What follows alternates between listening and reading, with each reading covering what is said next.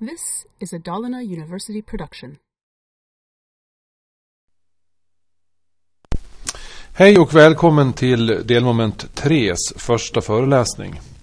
Den här föreläsningen kommer då att handla om SQL och utsökningar mot flera tabeller. Och som grund för den här föreläsningen så tänker jag då gå igenom ett antal övningsuppgifter och vi ska då titta på en tabellstruktur bestående av tre tabeller. Först har vi en tabell student med lite attribut som beskriver ett studentobjekt. Och sen har vi då en tabell kurs som innehåller attribut som beskriver kurser i form av kursnummer, kursnamn, nivå, ämne och poäng. Och vad kan studenter göra som går på kurser? Jo, de gör obehagliga saker som tentor. Om vi då tar en student och ett kursnummer så måste vi då veta när i tiden den här tentan äger rum. Och vilket mått man fick. Om man fick VG eller G eller något annat betyg på den här tentan då, som man har gjort. Här dyker Bror Duktig upp och han säger åt oss att om vi då tar och skriver ut den här filen med övningsuppgifter så blir det lättare att följa med. Och den hittar du då som ett attachment nere vid pilen där till höger. Och namnet på bilagan är då tabeller med data och exempel. Så ta en paus och skriv ut den här filen och sen är det ju bra då om du kanske sitter och antecknar i det här utskrivna dokumentet. Så kan du ha det som stöd sen när du ska göra laborationen. Jag ska ta och titta på lite kriterier när man bör använda så kallad nästlad sökning med så kallade subqueries. Och när vi då ska visa kolumner som bara tillhör en tabell, då skulle vi kunna använda nästlad sökning. Och vi använder då en inoperator när den nästlade SQL-satsen kan returnera fler än en rad. Det vill säga inoperatorn kan då hantera en mängd med data. Och den nästlade satsen måste vara inom parentes. Och de nästlade satserna exekveras i en viss given ordning. De exekveras nämligen inifrån och ut. Och resultatet ifrån nästlade sökningar de är fria från dubbletter, det vill säga de distinktas. Och man får inte ha några sorteringar eller så kallade order by-klausuler i nästlade satser. Så att om vi då tänker på de här punktlistan nu så då kommer vi att vara befriade ifrån fel när vi håller på med nästlade utsökningar. Eh, Duktig får berätta vilka två kriterier som gäller för join. Då. När ska vi göra våra joinsatser? Välja joinsatser eh, när vi gör SQL-sökningar framför nästlade sökningar. Vi kan då visa kolumner ifrån en eller flera tabeller med joinsatser. Så att om vi då vill till exempel titta på orderinformation och visa kundinformation och lite annan information. Det vill säga data, kolumner från flera tabeller. Då är vi tvingade att använda join. Och resultatet då kommer då att visas med dubbletter. Så vill vi inte se de här dubbletterna så måste vi då göra distinkt på det här resultatet. För det är då inbyggt i join-satsen. Och här får vi Produktig lite applåder för att han har beskrivit då hur eh, olika viktiga punkter som vi ska tänka på när vi håller på att göra join och nästlade sökningar. Så att om vi då tittar på exempel 1 här. Då uppmanas vi att vi ska visa studentnummer, förnamn och efternamn på de studenter som läst kurs nummer 1. Och då ser vi att vi uppmanas också här att använda nästlad sökning. Och det går ju då bra eftersom vi vill visa studentnummer, efternamn och e-namn. Och det är ju kolumner från en och samma tabell. Det här svaret är det vi vill ha. Att det är Niklas och Arman då som har läst de här. Så det första vi gör då är att vi väljer ut de kolumnerna som vi vill se i resultatet. Och då gör vi select studnummer, f-namn, e-namn. From tabellen student. Where studnummer in. Här kommer vår nästlade sökning då. Select studnummer. From tenta. Where kursnummer är lika med 1. Så här ser då SQL-satsen ut. Och vi har då en inre select-sats, det vill säga något som vi kallar för en subquery. En nästlad sats. Och den här satsen kommer då att exekveras först, eftersom den exekverar inifrån och ut. Och den kommer då att ta fram mängden av tal. Och det är då mängden 1 och 2. Det vill säga att det är de två studentnumren då som uppfyller kriteriet här för den inre satsen. Och hade vi då skrivit where studnummer lika med, då hade likhetstecknet då krävt att vi skulle få en träff. Men eftersom vi ser att vi har en mängd här bestående av två värden, 1 och 2, så är vi då tvingade att använda inoperatorn. Och sen så kommer då den här yttre satsen då att man skriver då ut studentnummer, förnamn och efternamn för de studenter som har sitt studentnummer i den här inre mängden. Så då kollar man då att finns studentnummer 1 här? Ja, det finns den. Och då skriver man då ut studentnummer 1 och så förnamnet och efternamnet för den här personen. Sen går man till nästa. Finns studentnummer 2 där? Ja, det finns den. Då skriver man ut den också. Så går den till trean. Nej, trean finns inte, så då skriver den inte ut den. Finns fyran där? Nej, det finns den inte, så den skrivs inte ut. Och det spelar då ingen roll om den här ettan hade funnits där flera gånger. För att då hade det bara blivit sant en gång och så hoppar den till nästa nummer. Exempel två då. Vi ska visa studentnummer, förnamn och efternamn på de studenter som läst en kurs med namnet Beginning Java. Och då ska vi använda nästlad sökning igen. Och om vi då tittar på information här om kursnamnet Beginning Java. Då vet vi att då måste vi ända bort till kurstabellen för det är där informationen om kursnamnet finns. Om vi då ska visa studentnummer och förnamn och efternamn så måste vi då gå ifrån tabellen student till tabellen tenta och så till tabellen kurs. Det vill säga vi måste göra två stycken hopp i den här tabellstrukturen. Och då kan man komma ihåg att då behöver vi ha två stycken subqueries för att ta oss dit. Och vi vill då ha samma sak där som tidigare, resultatet då. Eh, select studnummer, förnamn, och efternamn ifrån tabellen student. Where studnummer in och så gör vi select studnummer from tenta. Where kursnummer in och så nästa nästling. Select kursnummer from kurs where lower kursnamn lika med beginning Java. Och jag använder då lower därför att jag vill göra om kursnamnet till gemener innan jag jämför det med gemener i min selektsats. Så att den inre selekten då kommer då att plocka fram att det är faktiskt kurs nummer ett som har namnet Beginning Java. Och om jag då tittar på den nästa selektsats så kommer den då att få select studnummer from tenta where kursnummer in 1. Och det är då studentnummer 1 och 2. Och så kommer de då att matchas emot den yttre satsen. Och som då skriver ut student nummer 1 och 2. Så att det här sker då som en trestegsraket. Och vi börjar jobba oss inifrån med den inre satsen först som tar fram en mängd och som jämför med den andra mängden och så vidare när vi kommer ut. Och så får vi då det resultatet som vi önskar. Exempel 3. Eh, vi ska göra samma sak som i exempel 2. Men vi ska använda equijoin utan tabellalias. Vår programmerare dyker upp och skriver koden åt oss. Och vi ska då göra samma sak innebär att vi ska ha samma data tillbaka. Och vi skriver då helt enkelt select student.studentnummer, student.fnamn och student.enamn. From tabellerna student, tenta och kurs. Ett villkor som var where lower kurs.kursnamn är lika med begynning Java. Och så talar vi om då hur de här tabellerna logiskt hör, hänger ihop. Och då tänker vi att vi måste ju faktiskt göra två stycken hopp även här. Att vi måste jämföra tabellen student och tenta och så tabellen tenta och kurs. Eftersom tabellen kurs då knyter samman de här två tabellerna med främmande nycklar. Och då ska ju faktiskt student.studentnummer vara lika med tenta.studnummer eftersom vi då har i student så är studnummer primärnyckel och i tenta så är det en främmande nyckel. Så vi gör kopplingen då emellan primärnyckel och främmande nyckel. Och så talar vi om att den hänger även ihop logiskt mellan tabellerna tenta.kursnummer och kurs.kursnummer. Det vill säga att vi har en logisk koppling mellan främmande nyckeln i tabellen tenta och primärnyckeln i tabellen kurs. Och det, när vi då beskriver hur de här tabellerna logiskt hänger samman.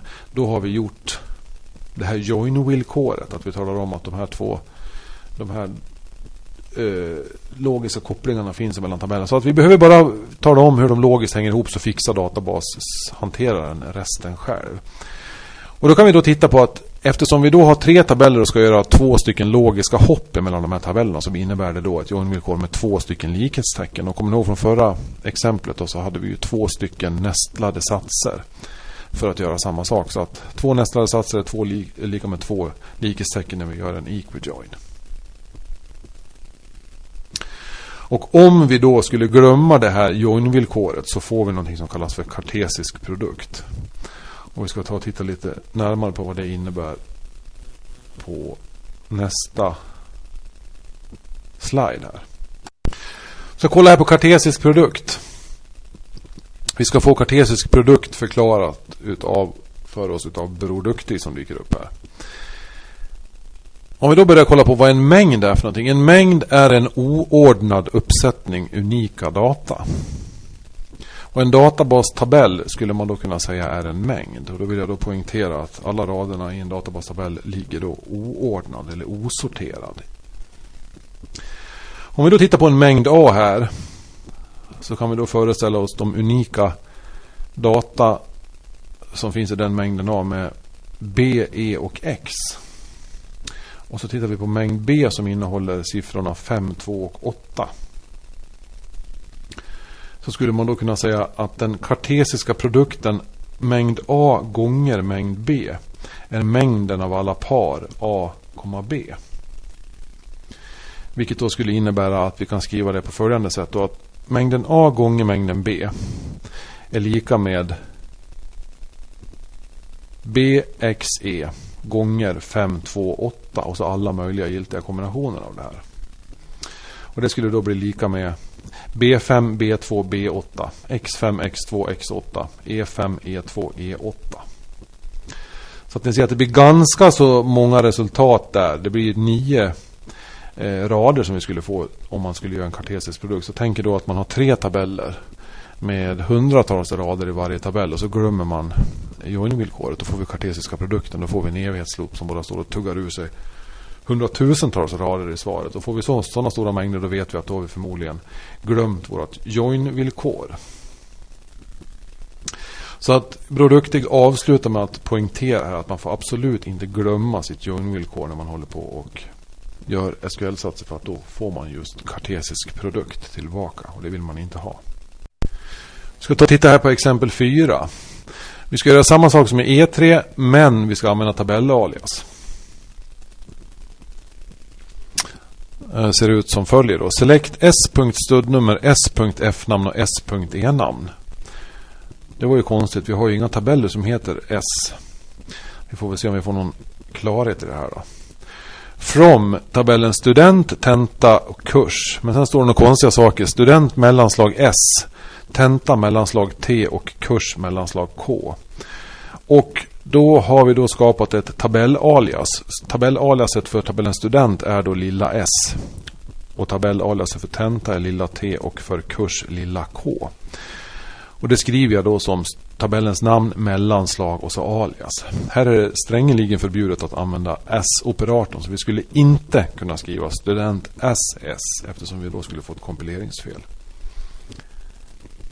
Nu kan vi då använda våra tabellalias när vi då sätter vårt första villkor. Where lower k.kursnamn är lika med beginning Java.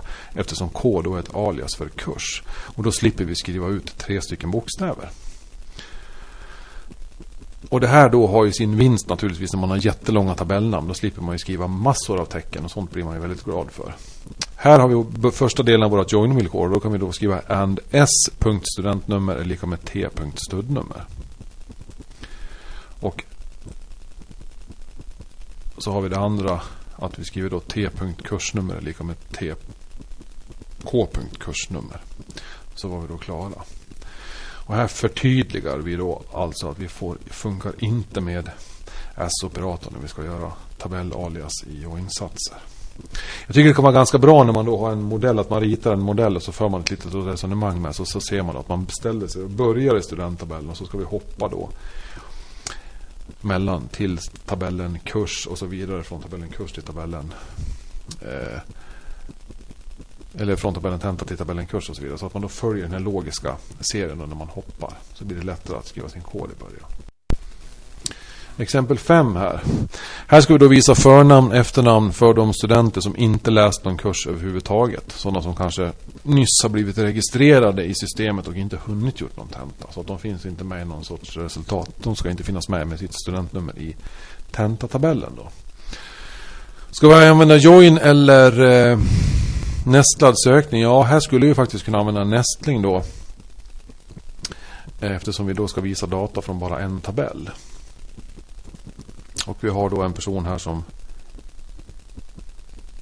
heter Hans Dalros som inte har läst någon kurs. Och då ser vi då att vi har ett tabellkolumnalias här som ska vara ganska långt då med stora och små bokstäver.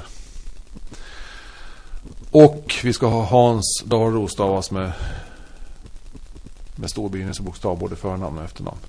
Så att då kör vi då select init cap Förnamn konkatenerat med ett mellanslag konkatenerat med ett efternamn. Under kolumn aliaset inom dubbelfnuttar har inte läst någon kurs kolon. Då har vi gjort första konstruktionen klar där. Då drar vi det ifrån tabellen student. Och där studentnumret då inte finns med i den inre mängden select studnummer from tenta. Och vi vet då att den här nästlade subqueryn select studnummer från tenta kommer att exekveras först. Så då kommer den då att plocka fram alla studentnummer som finns i tabellen tenta. Det vill säga de studenter som har gjort en eller flera tentor. Om vi då söker ut de studenter vars studentnummer inte finns i den inre mängden så borde vi då ha, ha fått träff på de som inte har läst någon kurs. Då skulle den konstruktionen kunna se ut sådär. Exempel 6 här. Vi ska visa förnamn och efternamn på de studenter som har läst någon kurs. Och vi ska sortera fallande på e-namn. Vi ska använda join får vi till uppgift. Och om man då har läst någon kurs, ja då lär man finnas med sitt studentnummer i tabellen tenta. Och då vet vi det att vi behöver bara kolla om studentnumret finns i tabellen tenta. Och då behöver vi bara ha i join-villkoret ett likhetstecken eftersom vi inte behöver blanda in, in tabellen kurs där.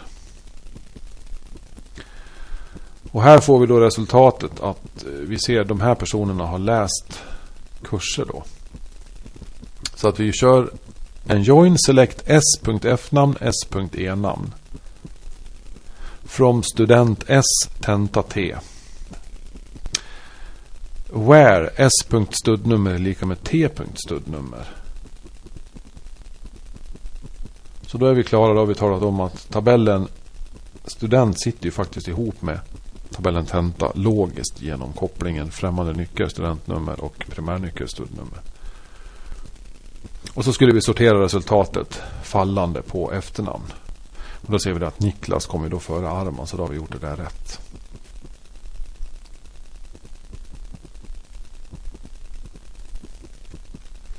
Join-villkoret sitter där. Glömmer vi det så skulle vi få kartesisk produkt. Men som ni ser där nere nu till vänster så har vi faktiskt fått dubbletter på det här resultatet. Vi ser att Niklas här han förekommer två gånger med sitt studentnummer i tabellen tenta och då kommer hans namn att skrivas ut två gånger. Arman har varit riktigt arbetsam här. Han har då förekommer då på tre ställen med sitt studentnummer i tabellen tenta. Alltså han har ju skrivit tre kurser.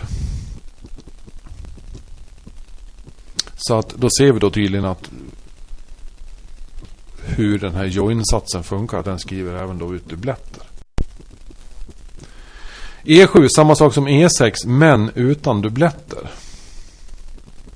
Vi vill sortera bort alla förekomster av de här redundanta svaret. Och då lägger vi till distinktoperatorn helt enkelt. Så vi kör select distinct s.f-namn s.e-namn. From student s tenta t. Och så join-villkoret where s.studnummer är lika med t.studnummer order by e-namn desk. Så har vi då trollat bort alla våra dubbletter med distinkt-operatorn. Exempel 8. Samma som E7 men använd nästlad sökning istället. Eh, vi får inga dubbletter. Vi vill inte ha några dubbletter. Select F-namn och E-namn from student. Where studnummer in. Select studnummer from tenta. Order by E-namn desk. Och då var det då lätt att komma ihåg att vi får inte ha någon sortering i de här subqueries i de här nästlade sökningarna. Så vi lägger då sorteringen utanför den här nästlingen. Och som ni ser då så funkar ju faktiskt den här nästlade sökningen så att den visar inga dubbletter. Så man behöver aldrig använda distinktoperatorn när man håller på med nästlade sökningar. E9. Vi ska visa studentnummer för de studenter som inte har läst kursen AI for Masters. Eh, Join eller nästa sökning? Frågetecken. Ja, jag föreslår att vi kör en nästling och så lägger vi negationen i den yttre satsen. Det brukar vara en rätt bra konstruktion. Och de här studentnumren då, 1, 2, 5 och 6, de har inte läst kursen AI for Masters. Så om vi då kör en nästling här nu vi ska visa studentnummer så måste vi ju via tabellen tenta ner till tabellen kurs. Det vill säga vi måste göra två stycken hopp. Och då måste vi ha två stycken subqueries. Vi börjar med select studnummer eftersom det är det som ska visas. Den drar vi från tabellen student eftersom det är där den finns. Eh, where studentnummer not in. Och så kör vi då select studentnummer from tenta. Where kursnummer in. Select kursnummer from kurs. Where upper kursnamn lika med AI for masters. Så då kommer den nästlade satsen längst in där. Select kursnummer från kurs. Where upper kursnamn lika med AI for masters. Att returnera kursnumret för den här kursen AI for masters. Och sen kommer man då i den mellersta nästlingen då att plocka fram de studentnummer ifrån tabellen tenta. Där kursnumret finns i kursnumret som matchas emot den inre satsen. Och sen plockar man fram då de studentnummer ifrån tabellen student. Som inte finns med i den här inre mängden. Och då har vi då plockat fram de som inte har läst den här kursen AI for, for Masters.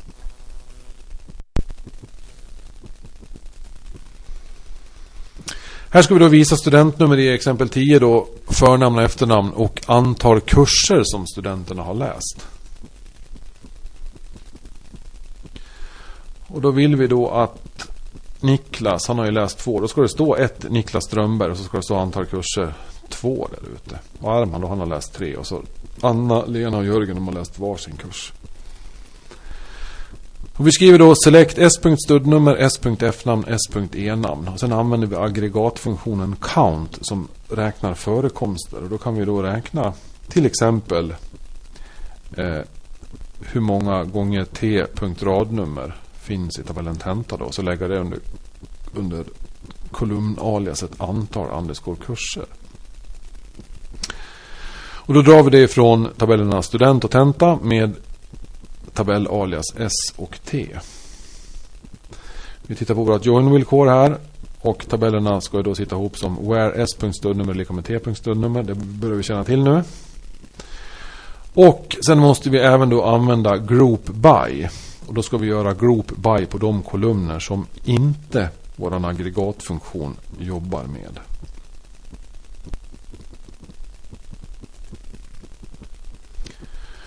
Och det illustreras då här att vi gör alltid group by på de kolumnerna som inte aggregatfunktionen jobbar med.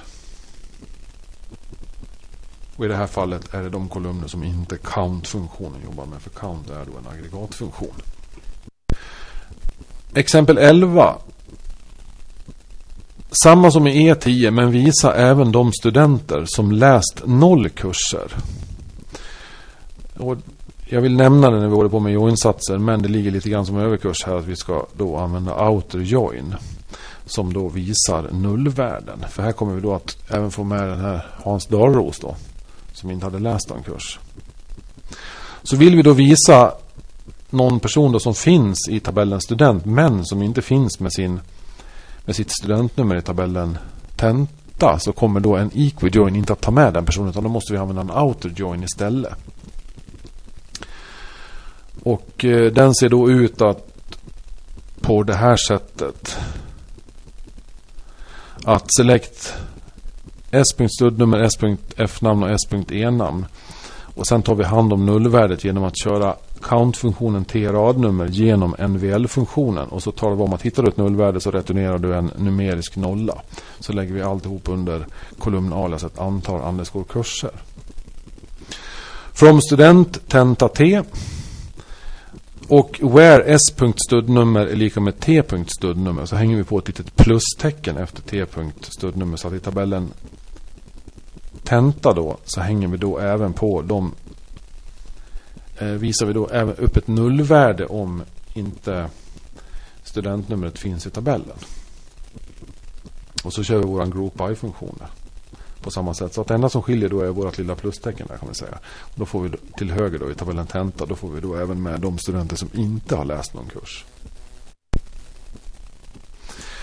Exempel 12. Vi ska visa studentnummer, förnamn, efternamn, antal poäng som varje student har läst. Och den här SKL-frågan den kan jag garantera körs av CSN för att kolla att folk har presterat det de har åtagit sig att göra under året. Och då har vi statistiken där kan vi säga.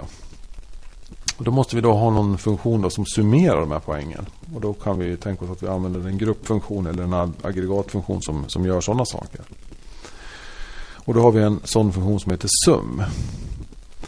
Och vad är det man kan summera för någonting? Jo, det måste vara någonting av en numerisk datatyp. Och vi har ju poäng för kurserna så då behöver vi rimligtvis kunna summera eh, kolumnen poäng som finns i tabellen kurs. Och så tittar vi på hur de här har läst och så borde vi kunna få fram det här.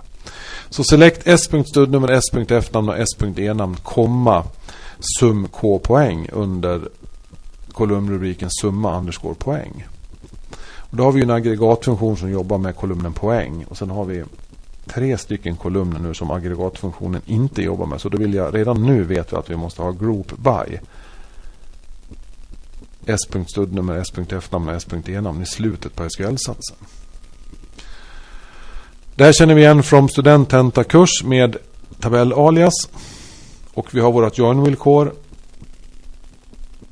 som dyker upp på det här sättet. Och vi hänger då på våran group by. Och då talar vi om då att vi har group by studentnummer F-namn och E-namn. Det vill säga de kolumner som inte aggregatfunktionen jobbar på. E13 samma som i E12 men sorteras så att den med mest poäng kommer överst. Vi vill då att Arman ska komma före Niklas eftersom Arman då har läst 30 poäng. Så att vi vill ha den där sorteringen som det är där nere. Samma som tidigare. Join-villkoret.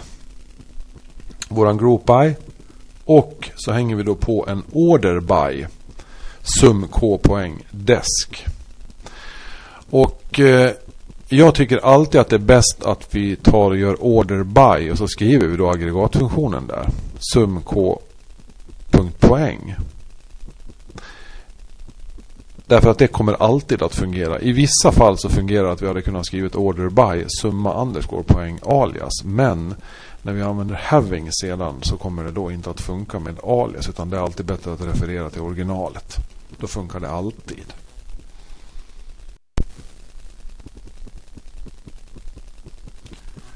Kolla på E14 då. Samma som i E13 men vi ska bara visa de som har 10 poäng eller mer.